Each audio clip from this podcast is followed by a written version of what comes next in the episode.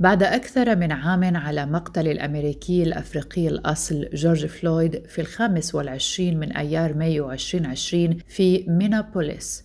أصدر القضاء الأمريكي حكمه على المتهم الشرطي السابق ديريك شوفين بالسجن لمدة 22 عاما ونصف العام. تم إصدار الحكم في محكمة مينيابوليس في تاريخ الخامس والعشرين من يونيو حزيران 2021 يعد تشوفين أول ضابط أبيض في ولاية مينيسوتا الأمريكية يواجه عقوبة السجن لقتل رجل أسود وفقا لراديو مينيسوتا العام.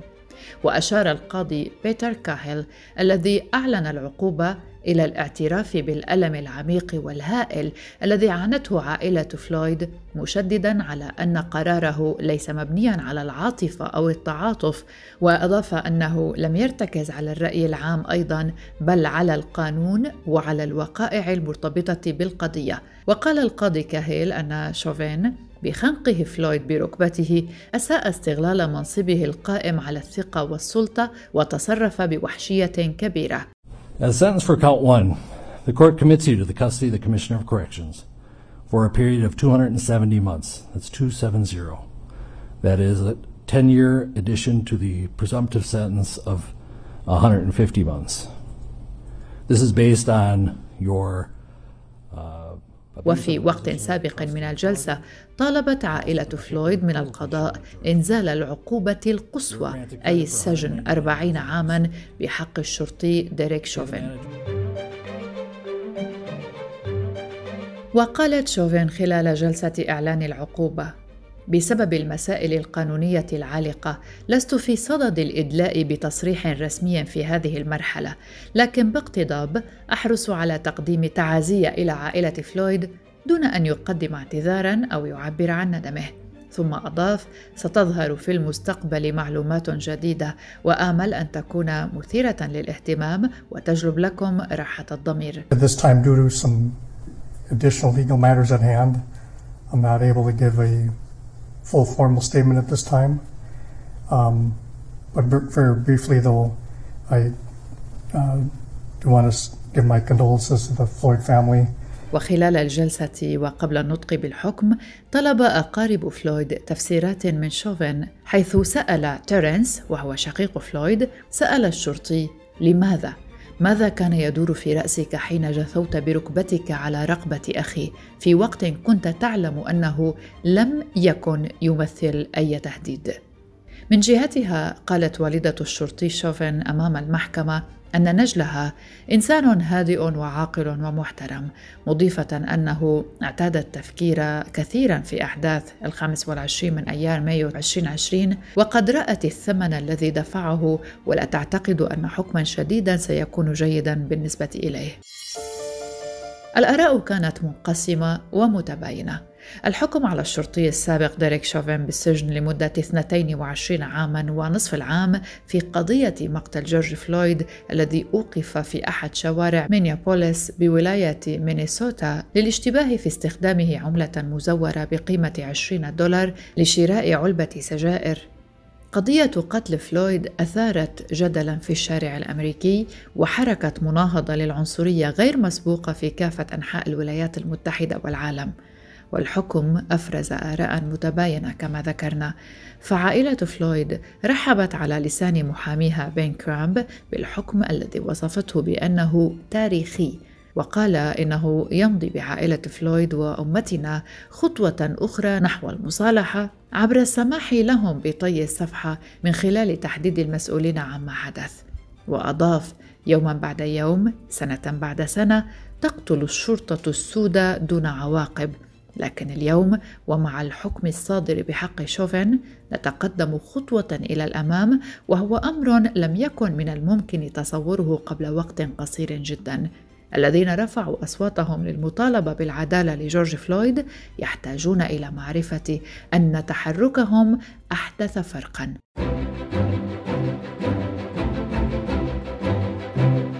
الرئيس الأمريكي جو بايدن وصف الحكم بحق شوفن بأنه عادل حيث قال لا أعرف كل الظروف التي أخذت في الاعتبار لكن الحكم يبدو لي عادلا.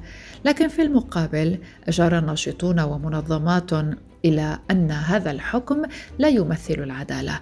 ومع تأكيده أنه أقصى حكم على الإطلاق بحق شرطي في مينيسوتا قال الناشط الحقوقي آل شاربتون إن ما حصل لا يمثل العدالة مشيرا إلى أن العدالة هي أن يكون جورج فلويد على قيد الحياة وأن أحكاما كهذه صدرت من قبل. وقال الاتحاد الأمريكي للحقوق المدنية وهو منظمه ذات نفوذ إن هذه اللحظة النادرة التي يجب أن تواجه فيها الشرطة عواقب جرائم القتل التي ارتكبتها لا تمثل العدالة. العدالة لا تتلخص بجملة واحدة أو بحكم واحد. بدورهم أعرب الكثير من أفراد عائلة فلويد ولا سيما شقيقه تيرنس عن رغبتهم في مواصلة النضال. وقال ابن أخته براندون ويليامز إنه حصل على العدالة لكن ليس على نحو كاف. ودعا فيلونيس فلويد وهو شقيق آخر لجورج متحدثا عن أشخاص آخرين ذهبوا ضحية عنف الشرطة. دعا الناس إلى أن ينهضوا ويناضلوا. وقال بيلي براوني وهو أمريكي أسود من مينابوليس إدانة ديريك شوفن لا تعني شيئا لأن ما يقلقني دائما هو أن توقفني الشرطة وأنا أقود سيارتي للعودة إلى المنزل.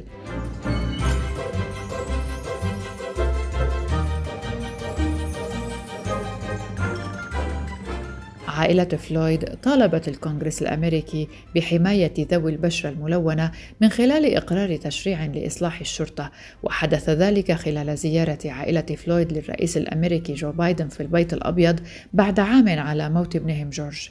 وصرح فيلونيز شقيق جورج فلويد إذا كان بإمكانكم أن تقروا قانونا لحماية طائر هو النسر الأصلع يمكنكم إعداد قانون فيدرالي لحماية ذوي البشرة الملونة في إشارة إلى النسر الذي تعتمده الولايات المتحدة شعارا لها. وقال شقيقه تيرنس إن اللقاء مع بايدن ونائبة الرئيس كامالا هاريس بعيدا عن الإعلام كان بناء للغاية رغم أن مشروع القانون المطلوب لا يزال عالقا في مجلس الشيوخ. وفي ختام الزيارة التاريخية رفع أفراد عائلة فلويد قبضاتهم هاتفين باسمه الذي تحول منذ موته في الخامس والعشرين من أيار مايو إلى رمز لضحايا العنف الذي تمارسه الشرطة في الولايات المتحدة وأدت معاناة فلويد إلى تعبئة شعبية غير مسبوقة وكلماته لا أستطيع التنفس باتت صرخة في وجه تجاوزات قوى الأمن. وقامت جوائز بوليتزر بمنح تنويه خاص لمراهقة أمريكية هي دارنيلا فرايزر وثقت فرايزر فيديو لضابط راكع على رقبة جورج فلويد قبل وفاته. أثار هذا الفيديو الذي نشرته المزيد من النقاشات حول العنصرية وحوادث وحشية الشرطة كما استخدم كدليل في المحاكمة التي أدانت ضابط الشرطة ديريك شوفن وتعد جوائز بوليتزر أرقى جوائز الصحافة في الولايات المتحدة وقالت لجنة الجوائز إن فرايزر البالغة من العمر الآن 18 عاما حصلت على هذا التكريم لشجاعتها. خلال حفل توزيع الجوائز قالت ميندي ماركيز الرئيسة المشاركة لمجلس الجائزة السنوية التي تمنحها جامعة كولومبيا في نيويورك إن قصة فلويد لم تسلط الضوء على الدور الأساسي للصحفيين فحسب بل أبرزت الأهمية المتزايدة للمواطنين العاديين في البحث عن الحقيقة والعدالة. وأضافت ماركيز إن مجلس الإدارة منح تنويها خاصا إلى دارنيلا فرايزر الشاهدة المراهقة التي صورت ونشرت الفيديو الذي أحدث تغيرا وصدم المشاهدين وأثار الاحتجاجات ضد وحشية الشرطة في جميع أنحاء العالم. وفي منشور على إنستغرام في مايو أيار وبعد مرور عام على وفاة فلويد كتبت فرايزر على الرغم من أن هذه كانت تجربة مؤلمة غيرت حياتي لكني فخورة بنفسي لولا الفيديو الخاص بي لما عرف العالم الحقيقة. وفي إبريل نيسان الماضي وجدت هيئة محلفين الشرطي السابق في مدينة مينابوليس ديريك شوفن مذنبا في جميع التهم المتعلقة بقتل فلويد. صادفت السيدة فرايزر اعتقال فلويد أثناء سيرها مع ابن عمها في مينابوليس في الخامس والعشرين من مايو أيار من العام الماضي. وقالت للمحكمة في وقت سابق من هذا العام إنها بدأت في تسجيل الحادث على هاتفها لأنها كما قالت رأيت رجلا مذعورا يتوسل من أجل حياته. ووصفت السيدة فرايزر سماعها لفلويد يقول لا أستطيع التنفس. كان مرعوبا وكان ينادي من أجل والدته.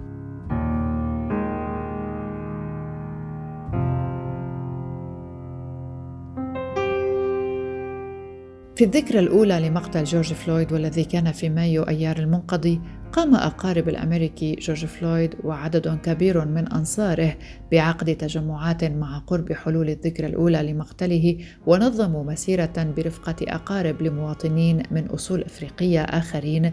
قتلوا في مواجهات مع الشرطة أي كما حدث مع فلويد. وقالت شقيقته بريجيت فلويد لوكالة فرانس بريس في وقت سابق نريد أن يرى العالم كيف تتألم العائلات الأمريكية لأن الشرطة أخذت أحباءنا منا. وتابعت نشعر بألم بعضنا البعض. وقد شارك مئات في هذه المسيرة التي خرجت من أمام مركز حكومة المقاطعة حيث جرت محاكمة شوفن بينما قام نشطاء بتنظيم فعاليات أخرى. الأجواء التي كانت مسيطرة على مينوبوليس في الشهر الماضي هي الإحباط من جراء تصاعد العنف في المدينة. وشكل السكان دوريات حراسة مع تنامي الغضب إزاء ارتفاع معدل جرائم القتل والعنف المرتبطة بالأسلحة خصوصا مع إصابة ثلاثة أطفال برصاصات طائشة خلال أقل من شهر وقام حاكم مينوبوليس جاكوب فري قام بإضافة 200 ضابط لقوات المدينة ودعا لمزيد من التعزيزات من خارج وكالات إنقاذ القانون وهو يدعم الجهود المجتمعية بما في ذلك دوريات المواطنين. وقال قائد الشرطة في المدينة ميداريا أرادوندو إن عناصر الشرطة في مينابوليس سيواصلون الاندفاع لحماية الأرواح. ولكننا نحتاج إلى المساعدة من قادة المجتمع والسكان أيضا وقوتنا الكبرى تكون عندما نعمل سويا للحفاظ على أمن مدينتنا. في مايو الماضي أعلن محامي أسرة رجل أمريكي من أصول إفريقية قتل في نهاية العام الماضي برصاص شرطي أبيض في كولومبوس بولاية أوهايو شمال الولايات المتحدة أعلن أن بلدية المدينة ستدفع للأسرة عشرة ملايين دولار مقابل تنازلها عن الدعوى المدنية في هذه القضية التي أثارت غضبا واسعا في البلاد. وقال المحامي بن كرامب إن بلدية المدينة وافقت على تسوية مالية مع الأسرة وعلى إطلاق اسم القتيل أندري هيل على مركز رياضي في الحي إحياء لذكرى الراحل. ليل الثاني والعشرين من كانون الأول ديسمبر الماضي قتل هيل والذي كان يبلغ 47 عاما قتل برصاص الشرطي آدم كوي وكان هيل أعزل حين أرداه الشرطي الأبيض الذي طرد لاحقا من سلك الشرطة وهو يواجه حاليا تهما بالقتل. وقال محامي مدينة كولومبوس زاك كلاين إن التسوية المالية التي توصلت إليها البلدية مع أسرة القتيل هي الأكبر على الإطلاق في تاريخ المدينة الواقعة في الغرب الأوسط.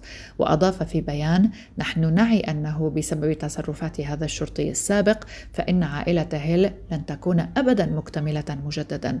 ولن يعيد أي مبلغ من المال أندري هيل إلى عائلته لكننا نعتقد أنها خطوة مهمة وضرورية في الاتجاه الصحيح. وشكرت أسرة القتيل سلطات المدينة على قيامها بالشيء الصحيح بتوصلها إلى هذه التسوية وموافقتها على إطلاق اسم أندري هيل على صالة ألعاب رياضية في أحد المراكز التابعة للبلدية.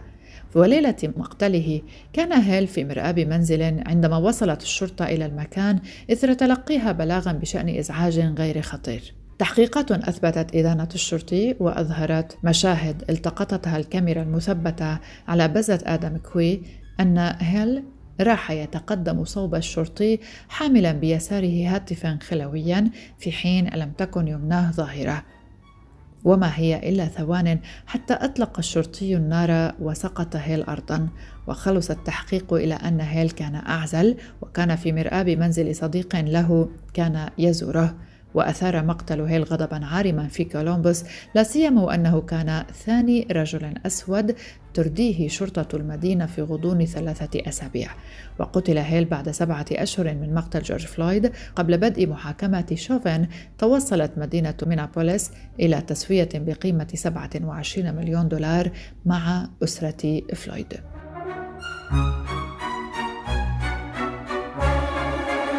القاتل شرطي أيضا لكنه قتل مبرر. في مايو الماضي كان قد أعلن المدعي الأمريكي المسؤول عن قضية مقتل المواطن أندرو براون جونيور في سيارته في إبريل نيسان الماضي في كارولينا الشمالية أنه لن يحاكم أي شرطي في هذه الحادثة التي أثارت صدمة في الولايات المتحدة. وصرح مدعي عام مقاطعة باسكو تانك في مؤتمر صحفي في مايو أيار على الرغم من أن مقتله مأساويا إلا أنه كان مبررا.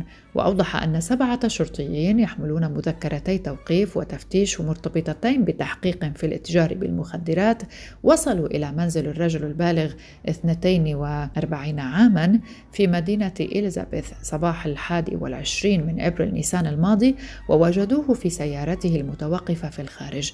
فحاصروا السيارة وأمروه بالخروج منها تحت تهديد السلاح لكنه حاول الفرار وأضاف المدعي العام قام بمناورة بواسطة سيارته مباشرة باتجاه أحد عناصر الشرطة معتبرا أن قرار فتح النار لمواجهة هذا الخطر الواضح كان منطقيا وقال إنه في 44 ثانية أطلق الشرطيون 14 رصاصة أولا على واجهة السيارة ثم على جزئها الخلفي بعدما حاول براون الهروب وأكد أنه وفقا لتقرير التشريح أصابت رصاصتان أندرو براون جونيور إحداهما قاتله اخترقت رقبته.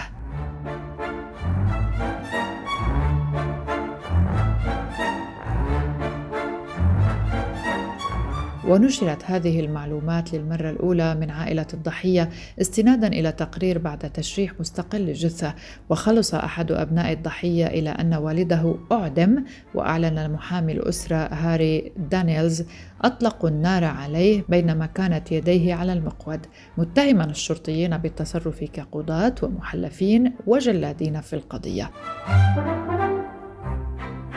وأعقب الحادثة التي وقعت في اليوم التالي على الحكم الصادر في قضية مقتل الأمريكي جورج فلويد احتجاجات في البلدة الصغيرة وخارجها خاصة أن القضاء رفض السماح بنشر صور من الكاميرات التي يحملها الشرطيون ما أثار تكهنات.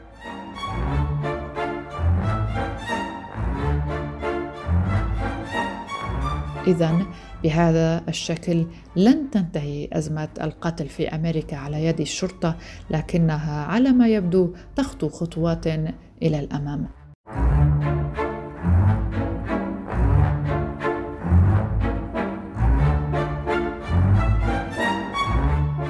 هذه كانت حلقة من بودكاست في عشرين دقيقة. شاركتني في الإعداد إيالا فهد. كنت معكم براء صليبي إلى اللقاء.